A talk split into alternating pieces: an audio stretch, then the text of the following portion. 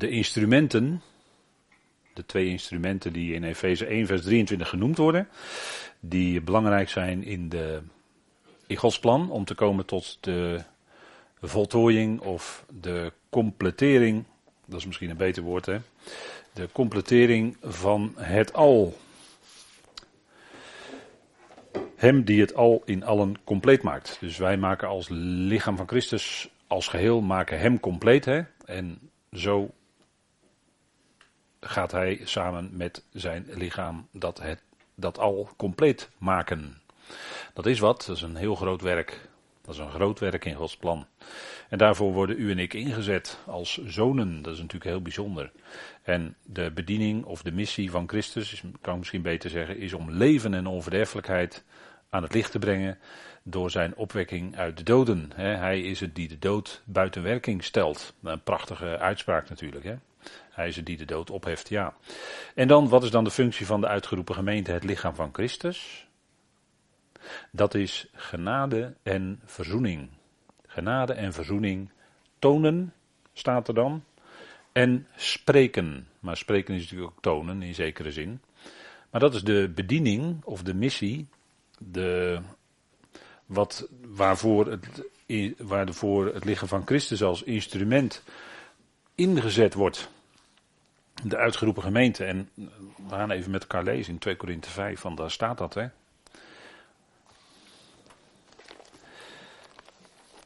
2 Korinthe 5, natuurlijk een geweldig gedeelte waarin de apostel Paulus spreekt over de verzoening. En dat is uh, eigenlijk een voorloper van Romeinen 5. 2 Korinthe werd waarschijnlijk eerder geschreven dan Romeinen. 2 Korinthe 5, een bekend gedeelte natuurlijk. Eigenlijk het hart van die hele tweede Korinthebrief. Die gegroepeerd is rondom die boodschap van verzoening. En het is natuurlijk wel opmerkelijk dat wat Paulus daar schrijft over, eigenlijk in het verlengde van 1 Korinthe 15, in uh, hoofdstuk 5, het eerste gedeelte over ons lichaam, hè, dat wij een uh, gebouw uit God hebben, eonisch, niet met handen gemaakt. En dat contrasteert Paulus daar met onze aardse tentwoning waarin wij nu verblijven. Hè. Ons lichaam is als een tent, hè, mooie vergelijking, tabernakel. En die zal overkleed, dat zal overkleed worden. Want wij zullen niet naakt bevonden worden als de bazuin gaat. Nee, wij zullen overkleed worden met heerlijkheid. Met een gebouw uit God, zegt Paulus dan. Dat is eonisch in de hemelen. Nu nog. En wij gaan dan de Heer ontmoeten. En dan is daar de Bema, 2 Korinthe 5 vers 10. Je ziet een hele logische volgorde in de opbouw van dit hoofdstuk. We gaan de Heer ontmoeten en dan, uh, dan is daar de Bema, de, de Bema van God en van Christus, of van Christus en God, kan ik ook zeggen. En daarna gaat Paulus spreken over de verzoening. Dat is toch wel opmerkelijk. En dan spreekt hij ook over het woord van de verzoening. Dat legt God in ons. Net zoals daar het woord van het kruis is, dat heeft daar natuurlijk heel nauw mee te maken, is er ook het woord van de verzoening. En we gaan even lezen met elkaar in uh, vers 14 van 2 Korinthe 5. Want de liefde van Christus dringt ons, die tot dit oordeel gekomen zijn, dit oordelend, dat indien één voor allen stierf, dan zijn zij alle gestorven. Dan zijn allen gestorven. Eén is voor allen gestorven, zegt Paulus, en dan is de logische conclusie dat allen gestorven zijn.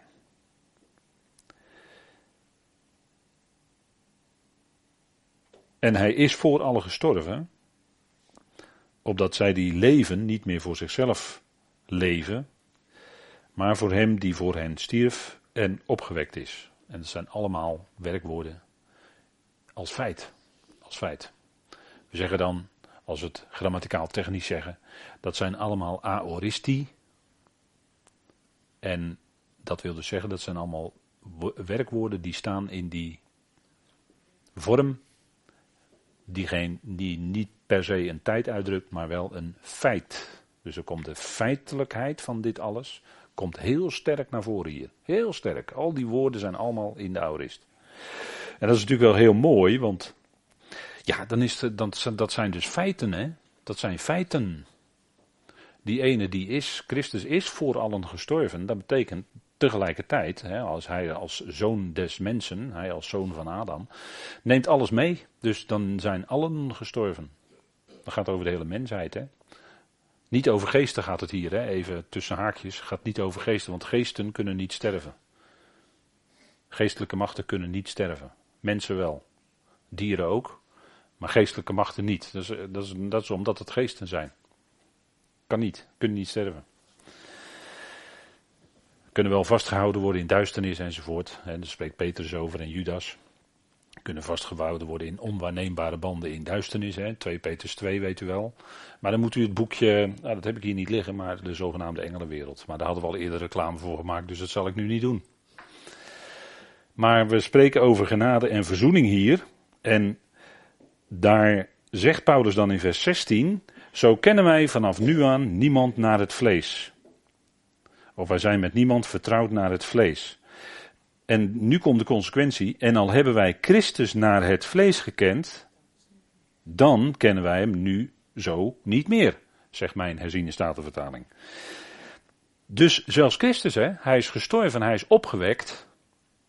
En de consequentie daarvan is, trekt Paulus hier, dat wij hem dus ook niet meer naar het vlees kennen. Dus ook niet meer naar zoals hij op aarde rondwandelde, te midden van zijn volk. Dat is niet onze evangelie. Dat is wel prachtig en dat is een prachtig voorbeeld en ootmoedigheid, natuurlijk, geweldig. Diende, hij diende, natuurlijk als voorbeeld, maar dat is niet onze evangelie. Ons evangelie begint met de dood en opstanding van onze Heer Jezus Christus. Dat is 1 Korinthe 15, dat is de eerste verse. Klaar. Dat is naar de schriften, klaar. Dat is het evangelie, dat is goede nieuws. Daar begint het mee. Het begint niet met zijn aardse leven. Dat is niet voor ons. Wel voor Petrus, dat is het evangelie van de besnijdenis. dat haalt Petrus aan als voorbeeld. Maar niet voor ons. Nee, Paulus zegt wij kennen hem niet langer naar het vlees. En dat is heel verstrekkend hoor, deze opmerking. Heel verstrekkend. Want het gaat om, niet meer om die oude, maar om de nieuwe. Hè? Daarom als iemand in Christus is, is hij een nieuwe schepping. Een nieuwe schepping. Dan is dus dat oude voorbij, hè, automatisch. Dat houdt het in. Als daar een nieuwe schepping is, dan is het oude voorbij. En dat is ook de consequentie van zijn dood en opstanding. Hè. Zijn opstanding, ja, dat heeft alles te maken. Dat is de basis natuurlijk voor de nieuwe schepping dat was het einde ook van zijn mens. En dat is misschien vreemd om te zeggen. Maar dat is het einde van hem als oude mens. Dat graflegging. En hij kwam er als nieuwe mens. De verheerlijkte later. kwam hij eruit. Werd hij opgewekt. Toen was het oude voor hem voorbij. En toen werd het ook voor hem nieuw. En daarin, in hem ook, voor ons geldt dat. wij zijn ook in hem, staat er in Christus, dat is een geestelijke zegen, een nieuwe schepping, zo ziet God ons. Dus dat is heel verstrekkend hè, wat hier staat. Het oude is voorbij gegaan, zie je, het is alles nieuw geworden. En dit alles is uit God. Dat is natuurlijk geweldig, hè? Dat is de, en dat kan ook niet anders. Dit is uit God. En deze woorden die zijn ook uit God. Dit kan een mens nooit bedenken wat Paulus hier schrijft. Dat kun je helemaal niet bedenken, onmogelijk. Maar dit zijn woorden uit God. En die heeft Paulus zo mogen opschrijven. Die ons met zich verzoent. Ja, verzoend heeft, mag je zeggen hoor in het Nederlandse. Voltooid tegenwoordige tijd, weet u wel. Even terug naar de Nederlandse grammatica op de lagere middelbare school. Voltooid tegenwoordige tijd heeft. Maar het is geen voltooid verleden tijd, hè? let op. Dat denkt u wel door het woordje heeft, maar het is voltooid tegenwoordige tijd verzoend heeft. Even de raderen draaien, zeggen we dan. Maar het gaat erom die ons met zichzelf, met zich verzoent. Verzoent. Dat staat trouwens ook in de, u weet wel hè, een van die aoristi. Door Christus. Door Christus. En ons de bediening of de toedeling van de verzoening gegeven heeft. God was, God was het die in Christus de wereld met zichzelf verzoende. En aan hun, hun krenkingen, het gaat hier niet om overtredingen, het gaat hier niet om ernaast stappen of misstappen, nee, het gaat hier over krenkingen. En dan zit je in de sfeer van het gevoel. Dan zit je in de sfeer van het God wantrouwen. Dat is een krenking. Als je God niet vertrouwt, dan krenk je hem. Dat zit in de gevoels, gevoelsfeer. Hè? Door hun hun krenkingen niet aan of toe te rekenen. En heeft het woord van de verzoening, daar komt hij hè. Hij heeft het woord van de verzoening in ons gelegd. Dat hoort bij de gemeente. Dat woord van de verzoening gaan wij dus ook spreken te midden van de hemelingen. Niet alleen nu al aan andere mensen, maar ook te midden van de hemelingen gaan we dat ook spreken. Dat, dat hoort bij ons. Dat zegt Paulus hier. Hè? En wij zijn dan gezanten, hè, nu nog op aarde hier ambassadeurs, hè, zou je kunnen zeggen, namens Christus, alsof God zelf door ons smeekt, moet je nagaan, namens Christus smeken wij u of vragen wij u, laat u met God verzoenen. Wat moeten mensen doen? Niks. Wordt hier alleen gezegd, wees verzoend met God. Ga God danken voor wat hij gedaan heeft in Christus. Dat is eigenlijk het verhaal, hè. Mensen hoeven niks te doen. Het is allemaal al gedaan. De, degene die daaraan hebben gewerkt om die verzoening tot stand te brengen, die zijn al eh, uitgebreid hier aan de orde gekomen. God en Christus, die hebben die verzoening tot stand gebracht. Wat resteert er dus voor de mens? Niets. Gewoon dankbaar aanvaarden. Dat woord van verzoening horen, want je moet natuurlijk dat woord horen. En dat woord van de verzoening, als God het geeft, aanvaarden. En dan, en dan zeg je er amen op en zeg je dank u wel. En that's all. En is daar dan een werk bij ons aan te pas gekomen? Nee. Want ook dat horen heeft God in jou bewerkt dat je ging horen. En ook dat geloven is ook een geschenk van God. Dus ja, alles is genade. Er staat hier toch, hè? Alles is uit God. Dit alles is uit God. Het is allemaal uit God. U heeft niets van uzelf. Alles is van Hem. En dat is natuurlijk geweldig, hè? Die grote God, die mogen wij kennen. Want hem die dus geen zonde gekend heeft, hij, heeft hij voor ons tot zonde gemaakt. Gebeurde op de 14e Nissan. Opdat wij zouden worden gerechtigheid van God in hem. En dat was het resultaat op de 16e Nissan. Ik hoop dat u me even volgt nu. Maar dat is natuurlijk geweldig hè. Toen hij opgewekt werd, dat was een bezegeling van onze rechtvaardiging. Fantastisch hè. Fantastisch. Wat een geweldig goed nieuws. En, en dat is natuurlijk wat we bekend mogen maken. En, en dat is waar je over kan spreken. Hè? Dat woord van de verzoening, dus een woord dat mag gesproken worden.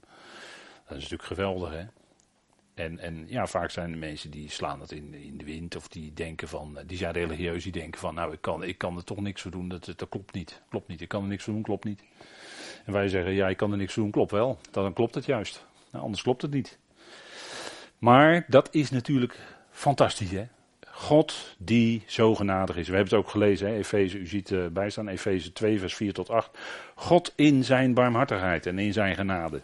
Die is naar, in Christus naar de wereld toegekomen, of door Christus, door zijn Messias te sturen. God echter die rijk is aan barmhartigheid vanwege zijn onmetelijke liefde waarmee hij ons lief heeft. En hij wekt ons op en hij zet ons zelfs gezamenlijk te midden van de hemelingen in Christus Jezus. Dat is onze positie nu al geestelijk gezien. Hè? Dus als u zegt, waar, als ik aan u vraag waar ben je, dan zeg je nou op aarde. Dan zeg ik ja, maar u bent ook in de hemel. Ja, dat klopt ook. Maar dan geestelijk gezien, in Christus. Bent u al te midden van de hemelingen gezet. Dat is heel bijzonder hè. En dan de toekomst voor ons is dat opdat hij in de komende eonen tentoon zal spreiden vandaar hier dat tonen en spreken, wat ik hierbij heb gezet. Tentoon zal spreiden de overstijgende rijkdom van zijn genade in zijn mildheid voor ons in Christus Jezus. Dus hij betoont door de gemeente heen, door de Ecclesia heen, gaat hij aan die hemelse macht en krachten tonen wat zijn genade en zijn mildheid. Dat is, natuurlijk niet te bevatten voor ons bijna. Maar hij gaat dat door ons heen gaat hij dat uitwerken. Wij zijn instrumenten die daar getoond zullen worden aan die hemelse machten en krachten. En we gaan er ook van spreken. Woord van verzoening gaan wij spreken. Wat God in ons leven heeft gedaan. Dat hebben we vorige keer ook gememoreerd. We gaan voor een hemels publiek of voor een hemeling of hemelingen gaan wij spreken. Die spreken wij toe en die gaan wij vertellen over verzoening, over genade en ja, hoe je dat dan moet doen, dat zal door de geest dan in je gewerkt worden. Dat je met die hemelingen ook kan communiceren. Want ze konden op de tweede Pinksterdag, terwijl ze, ja, zoals negen uur jullie zijn dronken. Nee, ze konden door de geest konden ze andere talen spreken ineens. Door de geest. Dat was werkelijk echt spreken in tongen, echt door de geest geleid. Toen. En ze zeiden, ja, ze hebben te veel zoete wijn gehad. Nee, het was spreken door de geest wat ze deden. En dat is wat wij dan ook zullen kunnen doen, om die hemelse taal, zeg maar, te kunnen spreken met die hemelingen, zal ook door de geest bewerkt worden. Dat is helemaal geen probleem. En ja, je kan natuurlijk over nadenken voor wat voor taal wordt daar dan gesproken. Sommigen zeggen dan Hebreeuws en anderen zeggen dan Engels en anderen zeggen dan misschien weer wat anders. Nou, we zullen het wel zien. We weten het niet. Er is geen informatie over. Maar we zullen het doen, dat is wel zeker. Want dat staat hier, hè. Dat is onze toekomst. En dat is in de komende eonen, opdat hij in de komende eonen tentoon zal spreiden. De overstijgende rijkdom van zijn genade in zijn mildheid voor ons in Christus Jezus. Nou, alsjeblieft, wat wil je nou nog meer, hè? Wat wil je nou nog meer? En dat is ook in hoofdstuk 3, daar staat er ook iets over. In vers 10. Opdat nu, en dat betekent van nu af aan, dus dat is al 2000 jaar aan de gang om het zo maar te zeggen. Efeze 3, vers 10. Opdat nu, in de zin van van nu af aan, dus vanaf het moment dat Paulus dat schreef, als je het heel strikt neemt, door de uitgeroepen gemeente aan de soevereiniteit en de volmachten te midden van de hemelingen de veelvuldige wijsheid van God bekendgemaakt wordt. Niet alleen nu, maar dat zal natuurlijk ook in de komende eonen gebeuren. En dat is al 2000 jaar aan de gang, maar ook de komende eonen.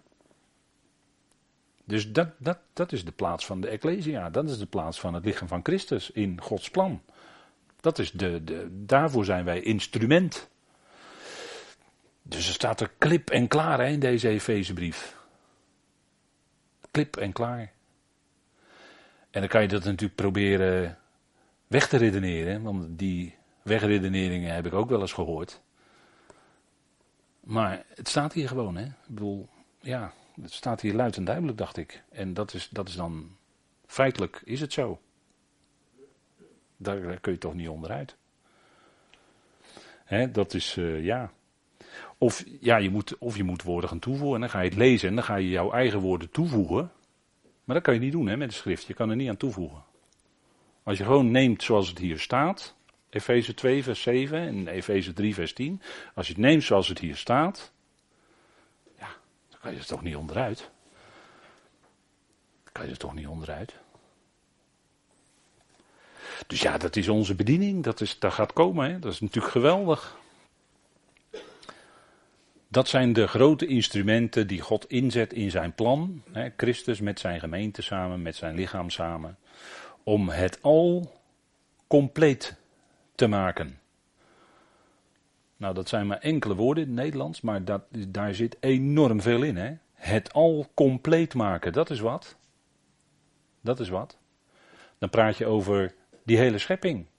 Dan praat je over al die hemelse machten en krachten als eerste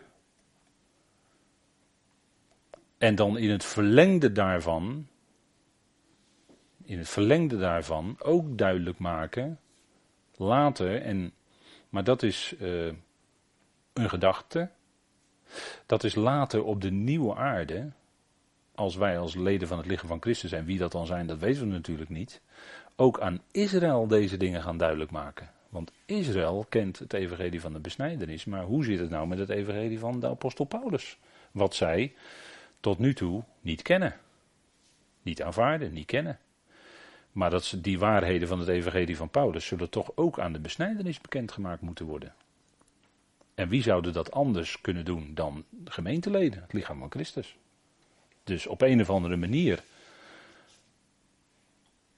in de tijd van de nieuwe aarde. Wil niet zeggen dat wij dan allemaal op de nieuwe aarde zijn, zo moet u dat niet voor uzelf vertalen. Maar dat wij wel op een of andere manier aan Israël duidelijk gaan maken hoe het zit met die waarheden van het evangelie van Paulus. En dat is, want het al, hè. We gaan het al completeren, compleet maken. Dus overal waar nog ook aan prediking op aarde ontbreekt aan wat nog aangevuld moet worden vanuit evangelie van Paulus, zullen wij als leden van het lichaam van Christus, ja, ik zeg wel wij, maar we weten natuurlijk niet wie dat zullen zijn, zullen aan Israël ook duidelijk maken wat daar nog aangevuld moet worden. Want het evangelie van de besnijdenis is, is incompleet. Is nog niet gecompleteerd. Dat gaat dan gebeuren. En dat denk ik dat we dat, uh, ja, misschien wel eens goed om dat met elkaar ook zo eens te overwegen. En um, in de studies, maar ik weet niet welke dat waren, maar in de studies Galatenbrief is dit ook naar voren gekomen. Op een gegeven moment, wat ik nu zeg. Dus dat zijn dingen die, neem, neem dat mee, hè, neem dat in overweging, want het is toch een completeren van het al. Dus het gaat over de hele schepping, het gaat over de hele mensheid. Die zal daar vrucht, hè, dat zal vrucht dragen ook voor heel de mensheid. Dat is natuurlijk wel heel bijzonder. Wij zijn zonen, wij zijn verbonden met de zoon van God. En in de laatste eon, de vijfde eon, is het ook het koninkrijk van de zoon. Hè? Het is niet langer het koninkrijk van Christus, maar het koninkrijk van de zoon. En dat heeft dan te maken met verzoening. In de laatste eon gaat het om verzoening. Dus ja, dat zijn lijnen die worden doorgetrokken dan, hè, in, eh, in de, ook in Gods plan. Een nieuwe vraag. Ja, ik stel allemaal vragen vanavond. Wat zijn de grote lessen die de schepselen door Christus en zijn lichaam leren? Wat zijn nou die grote lessen? is toch een beetje. Hè? Onderschikking? Onderschikking. Ja, dat is een van de. Ja, dat is, een, dat is de allergrootste.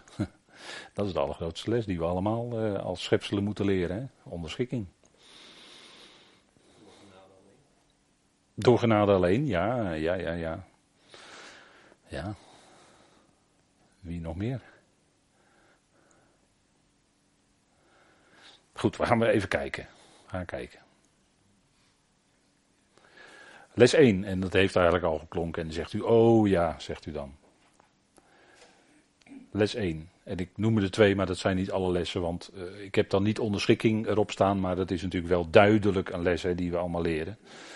Maar in verband met vanavond, waar we het over hadden, die aspecten van Christus en van de gemeente. Leven, werkelijk leven voor altijd, dat is de eerste les, kan alleen uit God via zijn zoon komen. Dus leven is alleen uit God, want God is geest en alle leven komt door de geest. Kan nooit op een andere manier.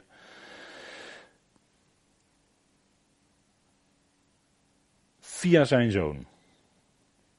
De zoon had het gekregen om leven te hebben in zichzelf. Hij had het van vader gekregen om leven te hebben in zichzelf. En hij maakt ook levend wie hij wil. Hè. Dat is wel mooi in Johannes 5 wat hij daar zegt. Zullen we even met elkaar opzoeken? Johannes 5. We doen toch bijbelstudie vanavond, dus we kunnen hier en daar wel eens wat teksten opzoeken natuurlijk. Daar staat, want zoals de vader de doden opwekt en levend maakt, moet je nagaan wat hij hier zegt hè. Zo maakt ook de zoon levend wie hij wil. En dat levend maken is natuurlijk geven van leven. En dan ben je voorbij de sterfelijkheid. Dan zit je in de onsterfelijkheid. In feite, hè, dat is levend maken. Want zoals de vader de doden opwekt en levend maakt, dus er wordt verschil gemaakt, hè, opwekt, dat is uh, wakker porren, dat iemand gaat staan, hè, opwekken, dat is uh, als je je wekker zet. En levend maakt, dat gaat dus verder. Hè, er zijn twee verschillende begrippen in de grondtekst en levend maakt. Dus je wordt opgewekt, dus je krijgt leven, maar je wordt tegelijkertijd leven gemaakt, levend gemaakt. Dus onsterfelijkheid ontvang je dan. Dat impliceert het. Zo maakt ook de zoon levend wie hij wil. Je ziet ook dat dat een bediening, als ik dat woord mag gebruiken, een bediening is van de zoon. Hè? De zoon. Want ook de vader richt niemand, maar heeft ook heel het gericht aan de zoon gegeven. De vader richt niemand, maar heeft heel het gericht aan de zoon gegeven opdat allen de zoon eren zoals zij de vader eren. En nu komt uh, even consequent, hè. Wie de zoon niet eert, eert de vader niet, die hem gezonden heeft. Dat is één op één, hè. De zoon en de vader, dat is heel nauw met elkaar verbonden. Eer jij de zoon niet, dan eer je de vader ook niet. En de geest van de antichrist is de ontkenning van de zoon, hè. En daarmee zal iemand die zegt van ja, ik geloof wel in God, maar ik geloof niet in zijn zoon. Nee, wacht even. Die ontkent ook de vader dan, hè, gelijk. Dat is één op één, hè. Dat is de geest van de antichrist. En die waart natuurlijk aan alle kanten rond. Je mag het wel over God hebben, maar je mag het niet over Jezus hebben, want dan is het gelijk mis. Als je de naam Jezus noemt, is het gelijk mis. Dus dat is duidelijk, hè? Dat is duidelijk dat die geest van de antichrist rondwaart. In die tijd leven wij. Dat men door filosofie en meditatie en weet ik wat allemaal naar God, zegt men, dan kan je bij God komen of dan kan je in balans komen. Dat is ook een gevleugelde tegenwoordig. Hè? In balans. Je leven moet in balans zijn. Je moet in balans komen. En dan kan je dan allerlei dingen doen, want dan kom je bij een therapeut of bij een coach en die zegt dan ja, jouw leven, die gaat dan luisteren en dan die zegt dan ja, jouw leven is uit balans. En dan moet je dat en dat gaan doen om jouw leven weer terug in balans te krijgen. Nou, als ik het zo tegen u uitleg, dan weet u genoeg, hè, denk ik. Daar kan je toch niks mee? Dan ga je toch weer zelf doen. Licht en duisternis heb je dan natuurlijk. Ying en yang kan ik ook gelijk erbij noemen. En dat is al, het heeft allemaal met elkaar te maken. En natuurlijk zit daar wel ietsje, een heel klein ietsje van waarheid in. Maar aan de andere kant is het ook weer zo ver van Jezus Christus vandaan. En die is de waarheid. Dus dat, dat eh, ja. Nee, Kijk, Christus Jezus, de Heer, die brengt je leven in balans. Werkelijke balans, dat is verzoening. Dan komt je leven in balans, dan komt je leven recht voor God. Dat is verzoening. En dan komt het allemaal in balans. Dan komt het vanzelf, niet vanzelf, maar door de geest, door Gods geest, komt er balans in je leven. Komt er evenwicht in je leven. Dat ja, ja, dan wel, dan wel. Maar niet door al die mystieke. Ja, ik, het is natuurlijk gevaarlijk om allerlei dingen te noemen, maar niet door allerlei mystieke filosofie, hè, daar waarschuwt Paulus toch ook voor. Eh, het is geen filosofie, het is of-of. Het is filosofie of Christus. Het is religie of Christus. Dat kan nooit samen gaan, dat kan, dat kan niet, dat gaat niet. Dat hebben we met Colossense toch uitgebreid gezien. Dat is Colossense, dat is de, de, de, de, de tweelingbrief van de Efezebrief. Ja, dat is natuurlijk leven. Leven, hè. Dus wie de zoon eert, eert de Vader. want de Zoon staat centraal in Gods plan, is de grote uitvoerder van Gods plan. Daarom zien we de Zoon ook steeds in de schriften terug. En gaat het, is het ook het evangelie aangaande zijn Zoon, Jezus Christus onze Heer. Hij staat centraal in het evangelie. En als we Hem centraal stellen, dan eren wij tegelijkertijd de Vader. Ja, dat is, dat is uh, zo, zo, zo moet het zijn, hè. Voorwaar, voorwaar, ik zeg u, wie mijn woord hoort en gelooft hem die mij gezonden heeft, die heeft de Jonisch leven en komt niet in het gericht of in het richten, maar is uit de dood overgegaan in het leven. Als u de herziene staan leest, helaas, helaas hebben ze hier twee keer verdoemenis vertaald, ook in, uh, ook in een volgend vers. In eh, vers 29, maar dat is, er staat eigenlijk het richten. Er staat het woord crisis in het Grieks. En daar zijn we al uitgebreid aan gewend geraakt, hè? allerlei crises in onze samenleving.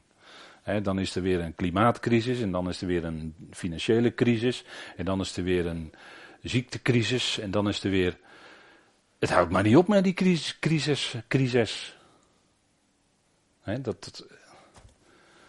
Maar de, de echte crisis waar het nog voor de mens om gaat draaien, is natuurlijk de grote witte troon. Hè? Die gaat ook nog komen. En als de Heer gaat komen in de openbaring, dat is ook een crisisperiode. Dat is ook een crisis. Dan is het een echte crisis.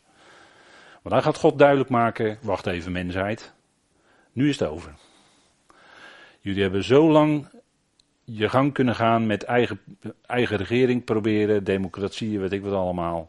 Dat is allemaal gedoe. Nee, God gaat daar dan zelf een eind te maken. Zijn zoon gaat komen. En dat gaat daaraan vooraf gaan gerichten de dag van Jaweh wordt ingeleid met gerichten. Zegt ze van jou toch? Zie, de dag des Heren komt.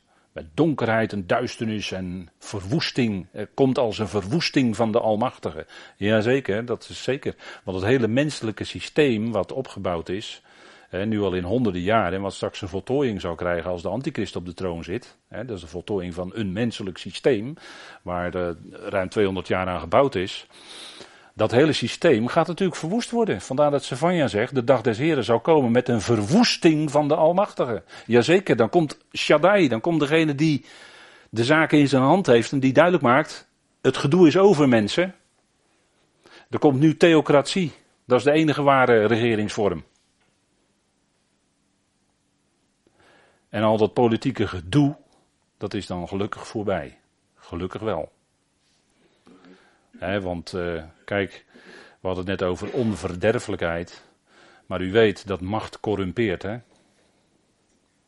Macht, als mensen macht krijgen, dan corrumpeert dat mensen. Dat, dat zie je gewoon gebeuren. De corruptie is overal doorgedrongen. Veel dieper dan we vaak vermoeden. En vaak schrik je ervan als je weer wat tegenkomt. Oh, dat is ook al corrupt. Ja, ook al. Het is overal. Maar er gaat een einde aan komen, gelukkig wel.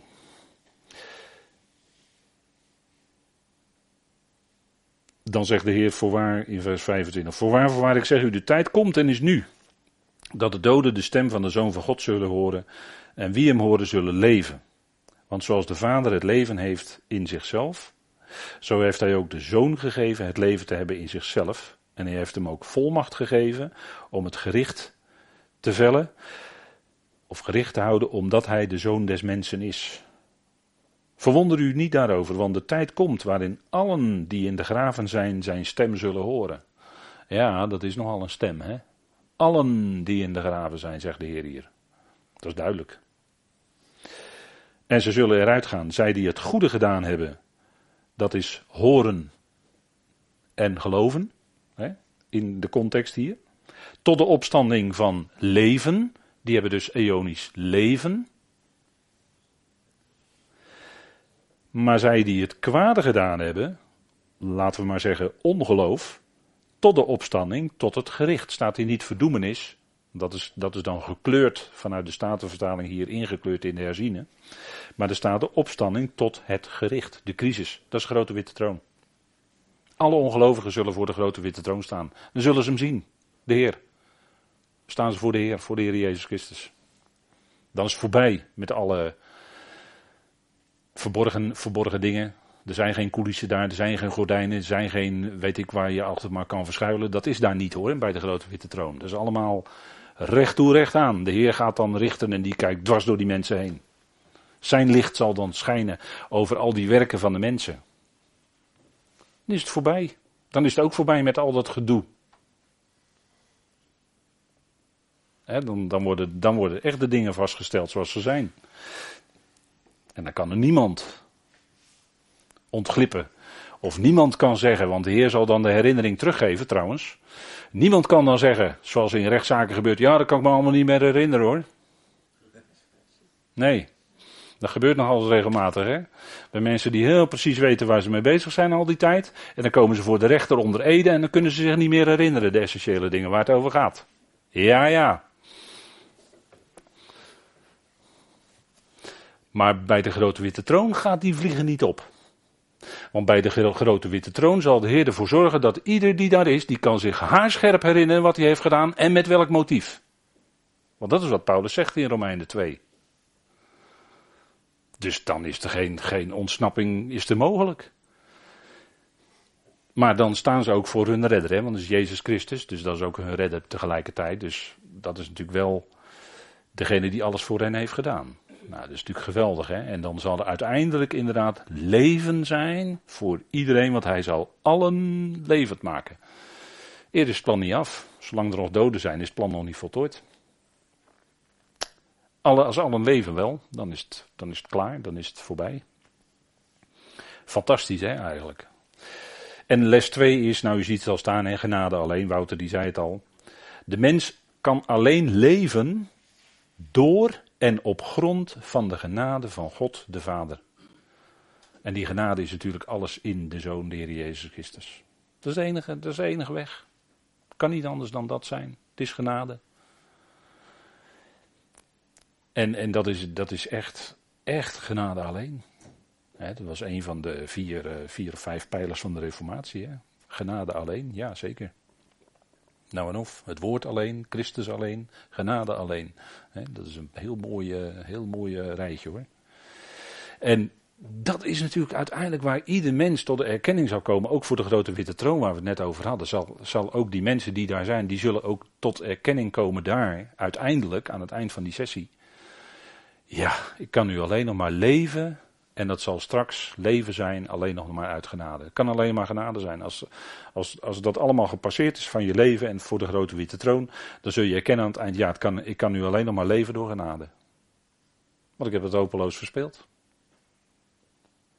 En dat, dat kan ook omdat degene die voor hen, hè, voor wie zij staan, die is voor hen gestorven en opgewekt en levend gemaakt. Ja, dat is natuurlijk fantastisch als je deze dingen zo met elkaar kan delen. Dat we dit mogen delen met elkaar. Dat we deze dingen zo mogen kennen en erkennen. Ook dat is genade. Want ook daarin zijn we geen sikkepit beter dan wie dan ook. Het is genade. En, en zo zien we ook dat, hè, dat wat ons toevalt uit Gods hand, dat is ook genade. Hè. En dan kun je zeggen, ja, nu is hij verheerlijkt en, en straks gaat alles veranderen. En eh, waar wacht Christus dan eigenlijk nog op? Waar wacht hij nog op? Waar is nog het wachten op nu? Hij is al verheerlijkt, dat instrument liggen van Christus is al 2000 jaar wordt dat geroepen. Waarom, waarom is zijn gezeten? Want hij zit nog steeds aan Gods rechterhand. toen Stefanus gestenigd werd, stond hij. Maar daarna is hij gaan zitten, omdat het tijd van genade is. En voor de tijd die God bepaald heeft. Waarom is dat nog niet beëindigd? En waarom is de tijd van zijn regeren op aarde daarboven, op aarde en daarboven nog niet aangebroken? Waarom nog niet? Het is het wachten op de bazuin van God, ja. De tijd die door vader bepaald is, ja. Dat, dat, daar, is, nou, daar zijn wel antwoorden op, op deze vraag. Want dat zijn vragen die mensen zich vaak uh, stellen. Kijk, het antwoord is. Het boze of het kwaad is nog steeds in ontwikkeling en moet uitrijpen. En daarnet gaf ik het al heel even aan. Hè? Dat hele systeem wat is opgebouwd nu wereldwijd, dat moet in werking gaan treden. Onder de wettelozen straks, onder de antichrist, zo u wilt. Beest, valse profeet, Satan. Iedereen moet die draak gaan aanbidden, zeg maar. Hè? Dat is de eindtijd. Dan zijn wij weg trouwens. Maar dat moet gaan gebeuren. Dus dat moet eerst helemaal uitrijpen totdat dat echt ook gaat gebeuren. Totdat het echt dat hele plan dat duistere plan doorgezet is en kan worden. Dus dat is dat uitrijpen. De duisternis zal toenemen en dat is wat we zien. Dat is wat we zien. Dat is wat we zien. Met alle vorm. En ook, wat ook tot, dan nog tot iets verder door moet rijpen, is alle vorm van godsvrucht. En vorm is het uiterlijk. Vorm is niet het inwendige, maar een vorm is het uiterlijke vanuit de grondtekst, hè, het woord vorm. Dat moet nog uitrijpen. De vorm van godsvrucht die wel de mens Jezus laat gelden. De, let op, dus wordt hier vrij scherp gezegd hoor. Die wel de mens Jezus laat gelden. Ja, dat is een mooi voorbeeld. En hij was, uh, je had ook, uh, je hebt allerlei theologieën natuurlijk gehad. Hè. En dan zei je ook, ja, hij was eigenlijk, uh, hè, dan zeggen theologen, in, sommige theologen in het verleden zeiden, ja, hij was een hele goede revolutionair. Of hij kwam heel erg goed op voor de armen en, en, enzovoort, enzovoort. Hè. Dat allemaal, hè. Maar dat is geen evangelie hoor. Dat is geen evangelie. Dat is hem bespreken zoals hij op aarde was, op een bepaalde manier en vanuit een bepaalde achtergrond dat, daar zit ook wel wat filosofie achter. je had in de tijd, eh, dat kan ik wel noemen hoor, want dat is in de tijd, uh, was wel bekend. Je had in de tijd, uh, dat vind ik een contradictie. Je had in de tijd de marxistische theologie. Ja, dat is het, vind ik een contradictie. Dat kan niet. Marx was een atheïst. Marx logende God. En hij had een atheïstische filosofie. Niet van zichzelf. Die was al ouder hoor. communisme en zo, die filosofie erachter, die was al ouder dan Marx hoor. Die komt niet bij Marx vandaan. Maar die, die zat verder terug. Maar toen gingen op een gegeven moment theologen, die hadden ook een marxistische theologie. Vreemd. Heel vreemd vind ik dat. Heel vreemd. Maar dat is dus niet evangelie. Dat is niet evangelie van de schrift. En, en dat is dus steeds als men dus op een of andere manier de mens Jezus laat gelden. En niet duidelijk wordt waarom hij nou gekruisigd is en opgestaan, dan heb je geen evangelie. Gewoon, heb je geen evangelie. Dan heb je geen goed nieuws. Dat heb je alleen maar als hij is gekruisigd en opgestaan. Anders niet. Hij is een prachtig goed mens geleefd. En, maar ja, er waren anderen ook, die hebben ook prachtig goed geleefd. Hè? Franciscus van Assisi bijvoorbeeld. Of uh, ja, noem maar een paar dwarsstraten. Het zijn allemaal mensen die hebben prachtig geleefd, prachtig voorbeeld. En armen helpen, enzovoort, enzovoort. Allemaal goed, prima, goede werken. Maar zonder kruis en opstanding heb je geen evangelie. Dan heb je alleen een sociale context. Maar dan heb je nog geen evangelie. Dus ja, dat is. Uh, het gaat om die gekruiste en opgestaande Christus. Daar gaat het allemaal om. Dat is de kern. Daar draait het om. Het evangelie wat ik jullie doorgegeven heb, zegt Paulus tegen de Corinthiërs. Dat Christus is gestorven naar de schriften. Dat hij is opgewekt. Dat hij is begraven naar de schriften. En dat hij is opgewekt naar de schriften. En dat gebeurde op de dag van dat de eersteling garve bewogen werd. Toch? Want Paulus zegt toch verderop in 1 Korinthe 15 dat Christus als eersteling is opgewekt uit doden. En gebruikt hij bewust een oogsterm. En die eerstelinggarve die werd bewogen wanneer? Op de 16e Nisan, hè? de 16e Aviv. Dus hij was de eersteling. Ook heel letterlijk hoor, de eerste van de oogst, alleen dan van de mensheid. Niet van de rest maar van de mensheid. Dus dat gaat, die, die, dat gaat op hoor. De Paulus is daar heel, heel nauwkeurig, legt Paulus dat daar neer in 1 Korinthe 15. Vergis u zich niet hoor, hij kende natuurlijk, tot en met kende hij de Tenach, de Torah. En die werd vervuld.